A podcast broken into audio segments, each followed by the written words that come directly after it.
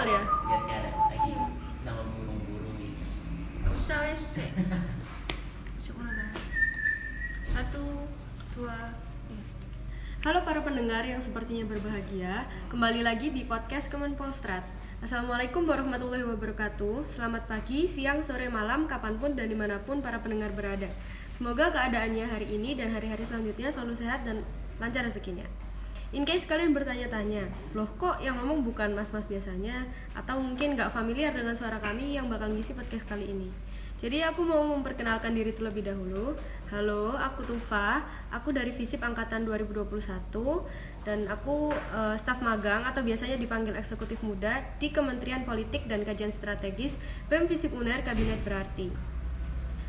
Tentunya kali ini aku nggak bakal ngomong sendirian nih. Ada dua rekanku yang bakal jadi pembicara santuy. Dan mungkin ada sentingan-sentingan dikit ya. Di sini ada Happy dan Amri. Halo. Halo. Halo, selamat. Nama saya Happy Putra, bisa dipanggil Happy dari sama seperti Tufa. eh, kami berdua sama Bang Amri juga eksekutif muda di BEM Visip Unair. Hai, saya Amri Maulana. Saya juga magang di BEM Visip di BEM Visip. Oh, di BEM Visip, BEM Visip ya. Lebih ke penegasan ya berarti. Iya. Oke, siap. Oh ya, disclaimer dulu ini. Kita first time ya bikin podcast ya. Jadi kalau misalnya ada a e a e atau salah-salah kata mohon dimaafkan ya. Ya dimaafkan kok. Pastilah. Iya. Kita kan lupa maaf. Pas Lebaran Oh, dimaafkan. iya. setahun dulu. Setahun berarti. dulu. Oke, lanjut Tufa. Gimana nih? Ada kalian udah update berita-berita apa aja nih? Oh, berita itu ya. Oh, saya tebak-tebakan. Permen-permen apa yang kisruh? Permen, permen apa yang kisru? Bukan permen kis. Lah terus? Permen Dikbud Ristek. Duh, takutnya ada tukang bakso lewat Oh, loh. iya. Bahaya. Lanjut, beritanya gimana? Ada oke. tentang itu? bacakan aja tuh biar jelas. Oke, siap-siap. Jadi ada berita nih pengesahan Permendikbudristek. Kabar baik bagi Sivitas Akademika, Permendikbudristek nomor 30 tahun 2021 ditekan langsung oleh Menteri Nadiem Makarim pada 31 Agustus 2021. Yang tujuan utamanya nih penanganan dan pencegahan kekerasan seksual di lingkungan perguruan tinggi. Salah dua substansi dari permen ini adalah yang pertama pembentukan Satgas Pencegahan dan Penanganan Kekerasan Seksual atau biasanya disingkat PPKS di lingkungan kampus. Kemudian pemimpin perguruan tinggi dalam hal ini adalah rektor wajib memantau dan evaluasi Satgas PPKS setidaknya sekali dalam enam bulan atau sewaktu yang diperlukan. Selain itu ada pasal 5 juga yang menyebutkan jenis-jenis kekerasan seksual yang diatur dalam permen. Permen ini juga mengarahkan eh, perguruan tinggi untuk pemulihan hak sivitas akademika yang menjadi korban kekerasan seksual. Uniknya, permen ini sempat dituding melegalkan perzinahan. Gi- Gimana tanggapannya? Ya emang diperlukan sih apalagi kemarin barusan ada pengakuan mahasiswi yang ngakunya pas sudah lulus Ya, yang udah lulus terus di mana ya universitas mana di Sumatera itu ya Iya Sumatera. Ya ada satu lagi gak usah kita Iya. sebut lah. Oke, aku Itu, kayaknya itu ada berita lagi. ada ya ya itu Iya, coba tak, tak bacain ya beritanya ya. Oke. Oke, pelecehan mahasiswa eh salah. Mahasiswi dong, Iya iya, sorry sorry sorry. Pelecehan mahasiswa eh. Kurang akuan sih Tufa ya. Harus minum. sorry, sorry. Pel- Pelecehan mahasiswi yang dilakukan oleh Dekan Fisip Universitas Riau. Tak lama setelah Permendikbudristek nomor 30 disahkan, seorang mahasiswi Universitas Riau mengaku telah menjadi korban pelecehan seksual oleh dosennya di tengah bimbingan skripsi pada 27 Oktober 2021. Laporan ini ditangani oleh Polda Riau dan telah naik ke tahap penyidikan. Wih, udah di emang perlu sih emang apa ya di Indonesia sendiri belum ada aturan yang untuk mengakomodir korban korban pelecehan bagaimanapun kan korban pelecehan kan nggak ada buktinya ya Dan korban itu kan kebetulan eh, di sosmed akhir-akhir ini banyak speak, speak up karena kan eh, mulai ada banyak kasus-kasus yang sama. Jadi eh, menurutku kenapa mereka atau pemerintah itu telat eh, mengetahui kasus itu bisa terjadi? Karena dari mahasiswa atau mahasiswi atau korban itu sendiri itu baru melapor itu kalau sesudah mungkin habis lulus. Karena kalau dia saat melapor di masa-masa perkuliahan karena dia kan kayak apa ya gimana kayak merasa ada ancaman dari dosen. Kamu kalau melapor nanti hmm, bisa Hmm, takut diancam dari nilai ya? eh, bisa lulusnya telat atau yang lain-lain. Itu salah satu faktor besar sih. Soalnya sudah banyak yang membahas juga dari mata najwa juga kemarin beberapa hari yang lalu juga upload sama apa menteri pendidikan juga mas Nadiem Makarim. Seperti itu sih. Lanjut berita. Ada lagi Ada nih, ada masih ada dua lagi berita. Lanjut ya. Ada pidato Jokowi di COP26 dianggap mengecewakan. Konferensi tingkat tinggi COP26 menjadi ajang pertemuan world leaders yang meng- yang membahas mengenai perubahan iklim. Nah, KTT ini dihelat pada 1 sampai 2, 2 November di Glasgow, Skotlandia. Presiden Jokowi turut hadir untuk menyampaikan komitmennya mengenai penanganan krisis iklim. Juga, Presiden Jokowi menandatangani komitmen untuk deforestasi dan degra- degradasi lahan. Namun, pidato Presiden Jokowi mendapat respon dari beberapa organisasi masyarakat sipil yang datang langsung ke Glasgow dan menyaksikan konferensi tersebut. Lewat konferensi pers, mereka menyampaikan kecewa dengan pidato Jokowi karena kurang menyentuh hal-hal yang substantif de- eh, mengenai climate change dan kurang memunculkan peran masyarakat adat juga anak muda. Untuk selengkapnya ini bisa dibaca di Walhi ya dengan judul Masyarakat Sipil tanggapi pidato Jokowi di COP26. si OP itu yang di Glas Glasgow ya Glasgow Glasgow ya di Scotland Skotlandia. Skotlandia itu di UK ya UK Mm-mm, di atasnya UK. oh atasnya UK atasnya. Ya itu kan tentang konferensi eh, iklim gitu ya. Kayak net zero gitu gimana caranya biar apa eh, nol karbon pada tahun 2060 kalau nggak salah ya. Dan akhirnya eh, pemerintah juga mulai membuat kebijakan mengarah ke situ. Tapi bagaimanapun kan ya emang ngomongnya gitu pada pada prakteknya ya masih aja kayak eh, Masih penggunaan melakukan- iya pengguna, penggunaan lahan juga masih banyak ya kan? Hmm, bahkan melakukan pembangunan besar-besaran yang eh, apa berpotensi buat merusak lingkungan. iya sih. Ya mau gimana ya di sisi lain kita juga butuh pembangunan tapi di sisi lain eh, ke, ke apa kesinambungan alam itu juga diperlukan. Saya pernah baca di Kompas tuh ada salah satu opini yang mengatakan bisa aslinya negara membuat me- membuat pembangunan yang yang sesuai dengan kesinambungan alam. Ya perencanaannya. Tapi pertanyaannya mau apa? Enggak gitu aja. Karena juga memerlukan biaya tinggi dan teknologi yang tinggi juga. Jadi mau nggak mau ini bukan urusan Indonesia juga sih. Harus ada transfer teknologi dan keilmuan dari luar negeri yang lebih mumpuni mengenai pembangunan yang apa berpihak kepada alam. Gitu sih serius banget ya aku ya serius serius serius serius bercanda Terus ada ini nih berita mengenai Twitter mengenai lingkungan Twitter Menteri Lingkungan Hidup dan Kehutanan Oh. mengenai deforestasi. Sempet tahu nggak sih yang yang menterinya bilang pemberhent eh pembangunan tidak boleh berhenti atas dasar emisi karbon dan deforestasi itu loh. Iya Bu Siti Nurbaya. Iya, Siti Nurbaya Bakar. bukan yang Siti Nurbaya penyanyi itu bukan ya? Bukan. oh bukan. Bukan Beda, Siti Mas. Nurbaya. Beda. kalau ini yang lebih bermasalah. Oh bukan bermasalah ya? Bukan Siti Nurbaya. Apa? lagunya Dewa. Oh siap Oh, masih ada. Oh kasus ini. Oh, bukan. gitu dong. Bukan Iya ya, Twitter ini sempat jadi sorotan publik loh karena dianggap kontroversial. banget Ya, Jadi emang. headline juga ya di YouTube Headline, di bahkan trending masuk juga headline loh. di Kompas juga kalau nggak salah itu itu sih Bu Siti Nurbaya habis eh, K- KTT CUP itu dia ngisi kayak seminar gitu isinya pelajar-pelajar Indonesia dia beliau mengutarakan hal ini bahwa deforestasi itu nggak boleh mengganggu pembangunan pembangunan pemerintah karena pembangunan pemerintah itu sesuai dengan undang-undang dasar apa gimana biasalah bahasa politikus ya gitu lah Sampai organisasi Walhi sama Greenpeace Indonesia tau kan?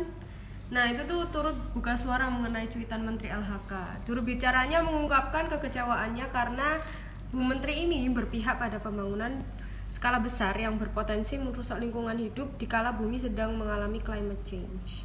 Ya betul. Kalau dia setuju pada pembangunan jadi men PU aja.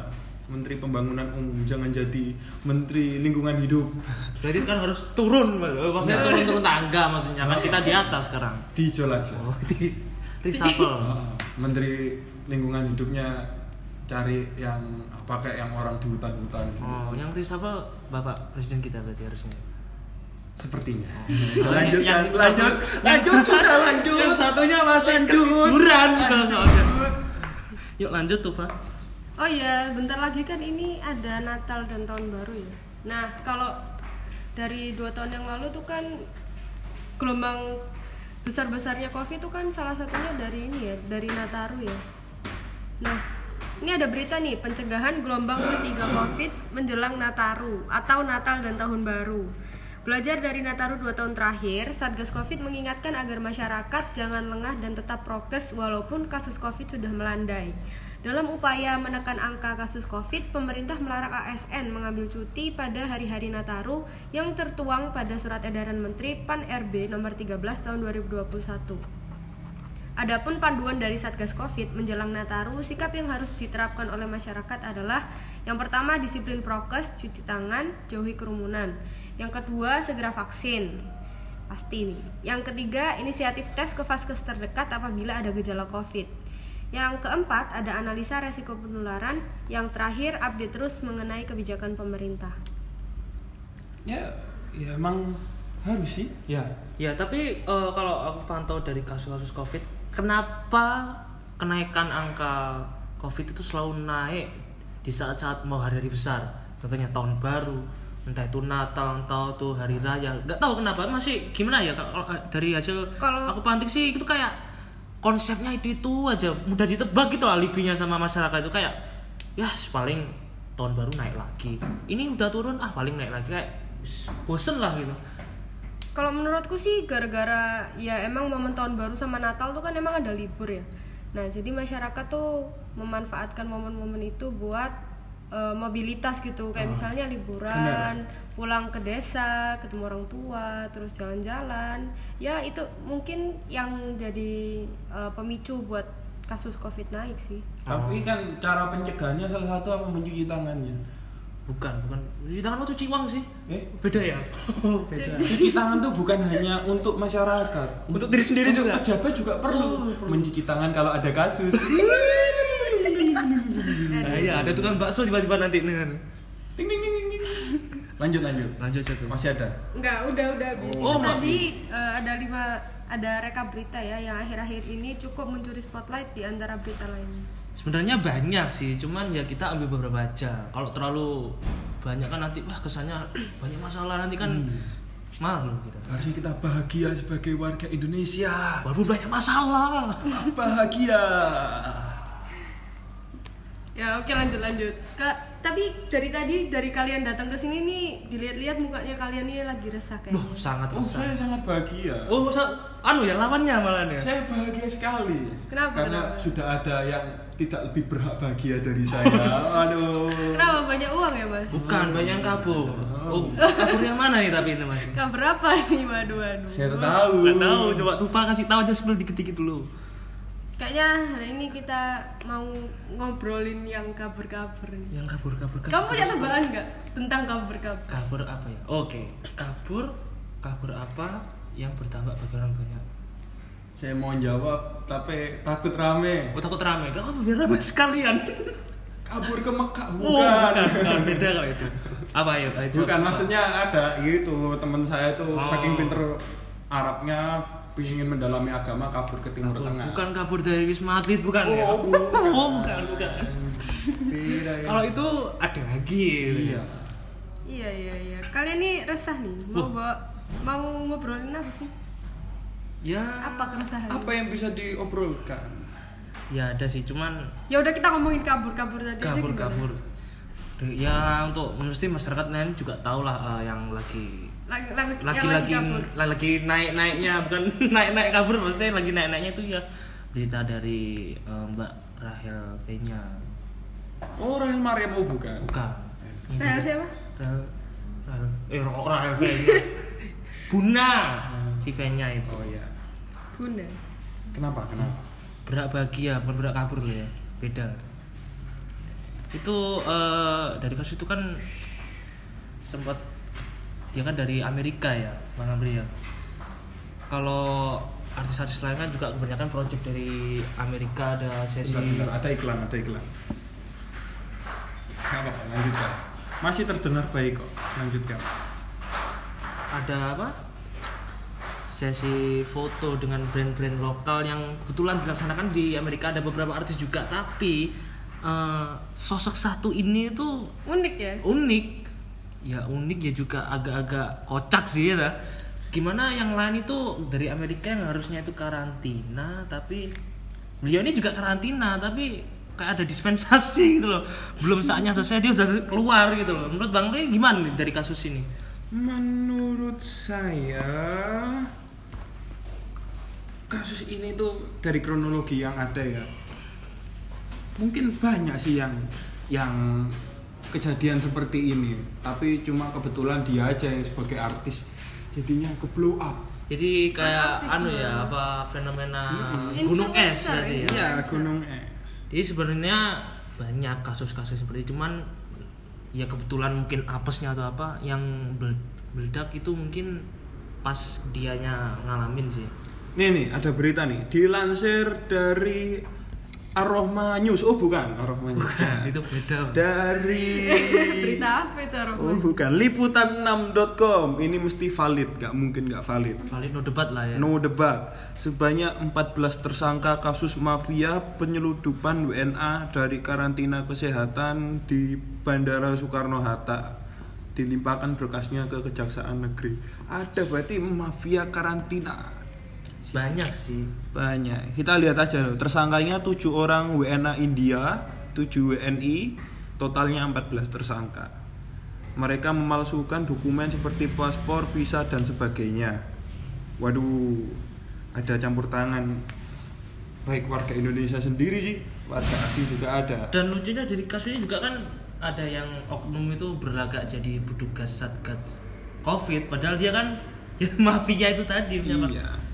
Sebenarnya dari gimana ya dari lepas dari kasusnya Mbak Rahel yang bahagia itu sebenarnya banyak kasus-kasus yang serupa tapi belum terkuak secara apa ya Belum menyedot perhatian Iya, masyarakat. soalnya kan ya mungkin hanya hanya orang-orang biasa kan kebetulan Mbak yang bahagia ini kan seleb ya bukan Iya. bukan seleb ya seleb Seleb. seleb kan di pasar Ini berubah jadi podcast julid ya kopi. guys. Maaf guys. Ya emang ini menunjukkan bahwa beliau tuh hanya apa a- gunung tuh cuma di atas tok gunung es padahal di bawahnya tuh kasusnya Masih masih, banyak sekali. Kenapa ya hal itu terjadi gitu ya? kalau dari kasusnya sih mbak yang berat bahagia ini tuh dia melakukan ini karena alasan nggak karantina soalnya keburu kangen sama buah hati. Ya mungkin maklum lah itu naluri seorang ibu tapi kan kalau emang dia merasa rindu kenapa kok saat liburan nggak diajak? Atau saat ada kepentingan di Amerika nggak diajak aja gitu loh. Oh mungkin karena penerbangannya nggak mengakomodir. nggak kemudian ya? Oh, oh. Tapi kenapa habis kabur karantina malah party? Oh, itu itu itu bukan party itu lebih ke apa ya? Perayaan kebutan lah dia. Oh iya, ya nggak salah, nggak apa-apa. Ya kan? Tapi ini cum- cukup unik ya. Kalau dulu tuh ada mafia narkoba, Nah. mafia apa banyak. Kalau sekarang kok mafia karantina? Apaan ini nggak berkelas? Mafia tuh ya kayak Escobar gitu loh, Pablo, Loh ini mafia. masih anu belajar. Oh, ya kabur masih- dulu lah. masih magang. Ah, masih magang Kayak kayak, kita. kita. ini magangnya dari yang kabur ke party. Oh, iya. Kalau kita kan dari magang terus masuk ke kementerian, gimana beda lah. Kita kan kelasnya masih di bawah mereka, Oh Bro. iya, belum jadi mafia gitu ya. Oh, iya belum lah. Jangan sampai lah. Cukup sampai. beliau saja lah. Iya. Kan hashtag berak bahagia. Oh iya. Ya, kalau gimana gimana tuh, Pak? Menurutmu? Ya menurutku harusnya kan ya karantina berapa dulu 14 hari ya. Kalau sekarang kan udah turun jadi Jadi delap, delapan ya, Bang? Oh jadi tiga. Oh, Tiga oh, hari tiga, tiga kan khusus ini ada duit, ada hari Loh, sekarang sudah tiga. Tiga. Beliau pulang dari Uni Emirat Arab tiga ya? hari. Tiga hari, sudah langsung. dirubah karena Dirubah. virusnya sudah melemah mungkin Melemah. karena kita sudah divaksin. bukan virusnya melemah Apa? keamanannya di negara kita itu sangat-sangat lemah sekali ya. Maksudnya aturannya itu makin lemah tuh makin Melan- lem, itu lempeng. lempeng. makin lembut bagi masyarakatnya. saking lembutnya sampai nggak kelihatan ya. Oh, Seperti siapa? seperti ya, Ya sudahlah. tapi eh, dari kasus-kasus ini kan di berita kan sempat ada oknum terlibat itu satu dari pihak eh, TNI kita tapi kalau aku usut kalau satu aja nggak mungkin deh jadi dia itu dari bandara turun mesti kan ada kayak yang jemput untuk diajak untuk pilihan masuk eh, karantina hotel atau apa. Nah setelah dia deal-dealan di masa itu terus otomatis kan dia juga eh, melanggar tuh. Harus- seharusnya kan tidak di wisma atlet. Seharusnya kan di hotel yang benar-benar seperti eh, ada Yang listnya bayar sendiri Ya, gitu ya? yang bayar sendiri. Kan wisma atlet kan khusus buat apa aja bang Afri itu? Untuk orang itu dinas, ya terus Pelajar apa, juga. pelajar yang habis keluar, terus apa namanya TKI, TKW. yang kerja di sana. Ah. dan ini tuh menurutku nggak cukup satu oknum saja. Mesti ada oknum-oknum yang lain terutama saat yang menyambut dia di bandara. Terus yang mengantarkan dia sampai wisma atlet. Terus habis itu yang membuat dia bisa lolos. Itu sudah berapa oknum tiga lebih. Terus habis itu kalau dia mau terbang ke Bali pun saat party itu kan di bandara pasti sudah bisa kecek di Imigrasi. aplikasi ha, di aplikasi peduli lindungi juga. Kan itu ada hijau kuning sama merah. Kalau karantinanya itu masih belum sehat otomatis kan merah. Kan te- pasti terdeteksi dong kan aplikasi kita kan canggih walaupun habis diretas. Nggak kelabu. oh bukan. Hijau kuning kelabu. hijau kuning kelabu itu beda itu. Dan anehnya kok bisa lolos? Jadi kan dia itu melibatkan banyak oknum Hmm. sampai dia ke Bali dan datang ke party itu dan Iya. kebetulan saat beliau di datang ke Bali kan itu Bali masih menutup untuk orang-orang asing datang ke Bali Iya. dan nambah lagi oknumnya kok bisa sampai masuk ke Bali itu tadi Ya memang seperti peduli lindungi hidup kita.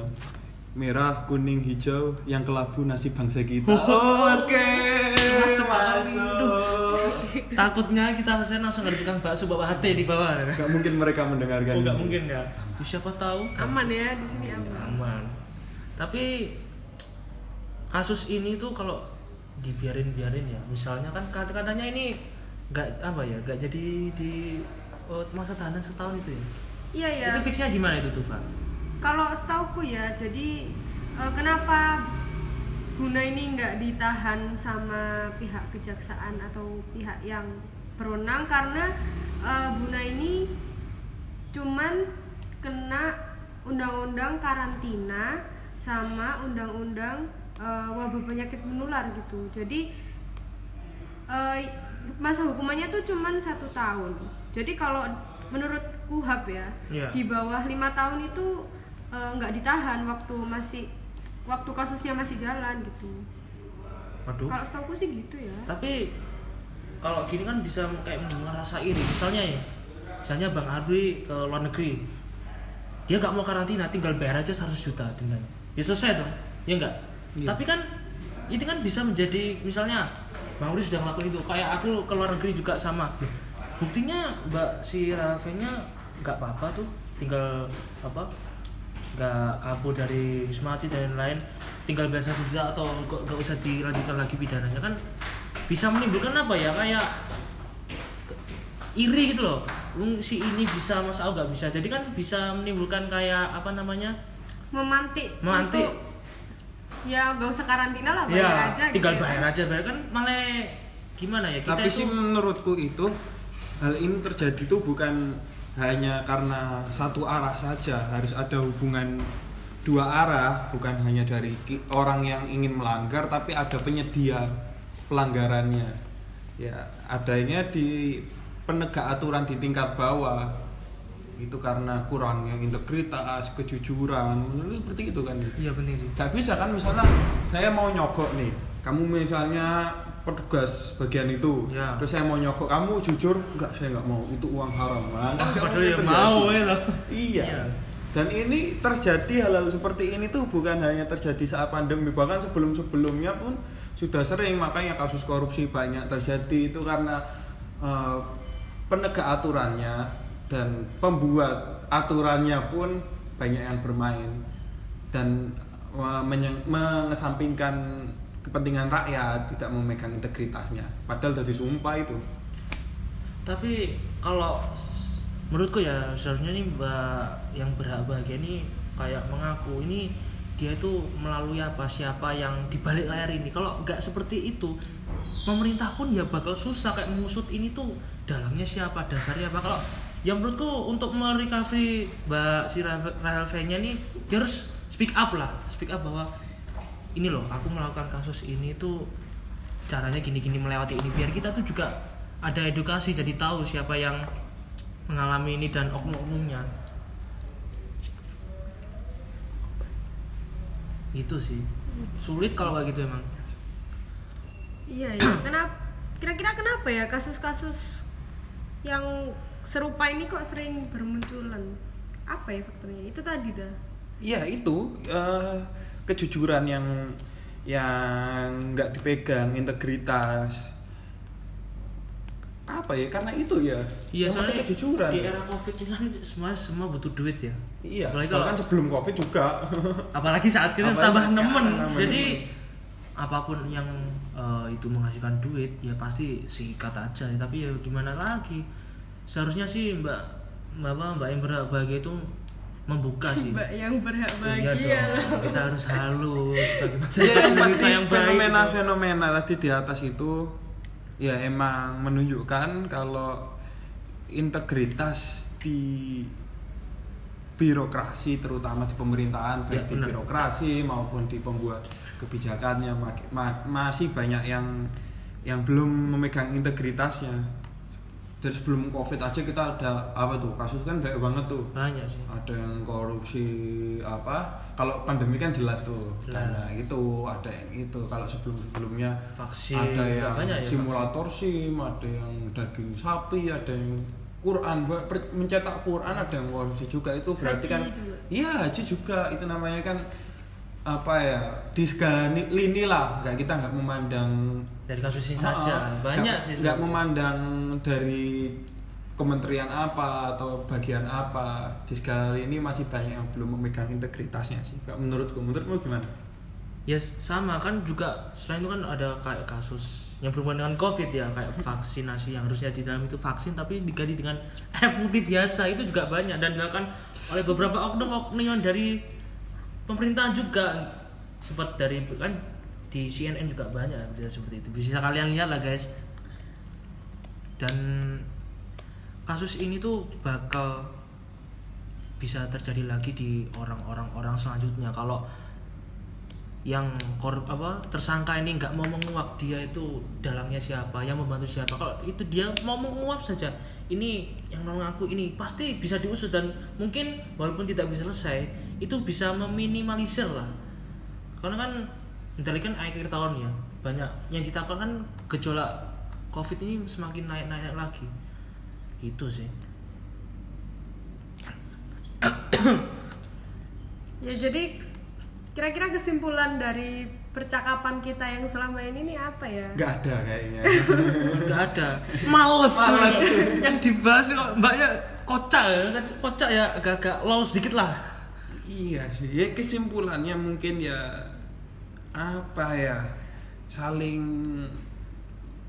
menilai diri sendiri lah pertama kita kesimpulannya bagaimana kita masa kita bilang pemerintah kurang jujur padahal kita sendiri ya juga harus jujur. iya benar sih. Kita nggak bisa sepenuhnya nyalain pemerintahan kita juga dari pribadi juga harus mengoreksi diriku ini banyak minta tapi kurang berusaha iya Apalagi katanya mahasiswa kan tau nggak perubahan bangsa ya? iya harus dong Ya baik-baiknya kita aja lah supaya eh, masa depan ini nggak apa ya nggak gak kacau lah iya nggak kotor lah. dan pesan untuk mahasiswa mahasiswa yang mungkin nanti mendengarkan podcast ini pesan saya tuh lebih berani kalau ada kasus yang tidak sesuai dengan apa yang udah dibenarkan ya kalian harus speak up lah harus melawan gitu. Jangan cuman sebagai mahasiswa jangan cuman diam-diam saja gitu sih. Diam seperti siapa? Diam seperti diam-diam tidur. Biar- cita-citanya dia apa sih? Tidur Dia- itu? Loh, siapa? Ya teman kita di kan di kelas. kelas. Soalnya pernah ditanya temanku itu, kamu itu di kelas tidur aja mau jadi apa? Mau jadi wakil gitu katanya. Wakil Masih wakil Wakil kepala sekolah. Ah, kepala sekolah bisa, wakil ketua kelas kepala- bisa kan wakil kalau ketua ketua kelas lebih sibuk ketuanya bukan wakilnya. Ah. Itu sih. Diam-diam, diam. Diam diam diam. Diam itu emas, Bro. Oh. Serem sih. Kat-kat sudah. Ngeri, ngeri. Kita digerebek. Bukan di takutnya di retas. Oh.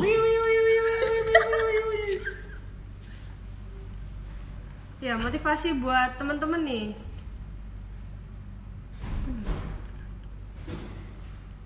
Motivasi buat teman-teman mahasiswa eh, buat megang integritas gimana nih kira-kira?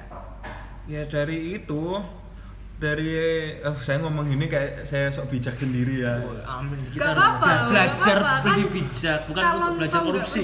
Ketika kelas aktifkan kamera. Kerjakan tugas dengan jujur. Oh, seharusnya walaupun Jangan mencontek. Ya contoh contoh kecil aja ya kalau misalnya kita eh, dikasih uang gitu sama ibu terus disuruh beli garam misalnya kembaliannya kembaliin lah jangan di jangan disimpan sendiri. Oh, simpan sendiri. Kita Biasanya kan, gimana? Lu simpan sendiri, kan mencontoh apa ya? Pemerintahan kita. Oh, bukan ya? Loh, ibu kita kan ikhlas. Ikhlas, Bu. Sehingga ya udah ambil. Bangsa kita kan bangsa yang ikhlas. Masa ikhlas. Siap siap siap Silakan bangsa yang diambil, ikhlas. silakan diambil. Kebanyakan ikhlas makanya untuk sistem atasan kita seenaknya Iya. sendiri. Wah, rakyatku ikhlas, ikhlas. ah, ambil aja ya. Ikhlas. Ikhlas. Bro. Ujung-ujungnya pakai baju oranye tulisannya tahanan.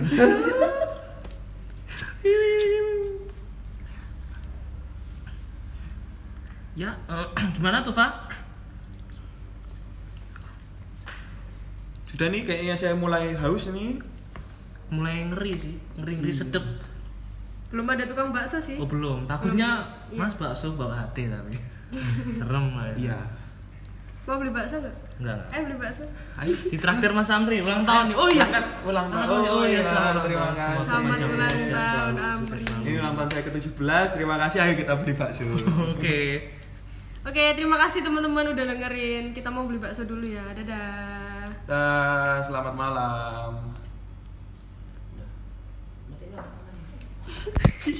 Sumpah aku bingung banget. Kenapa? Penutup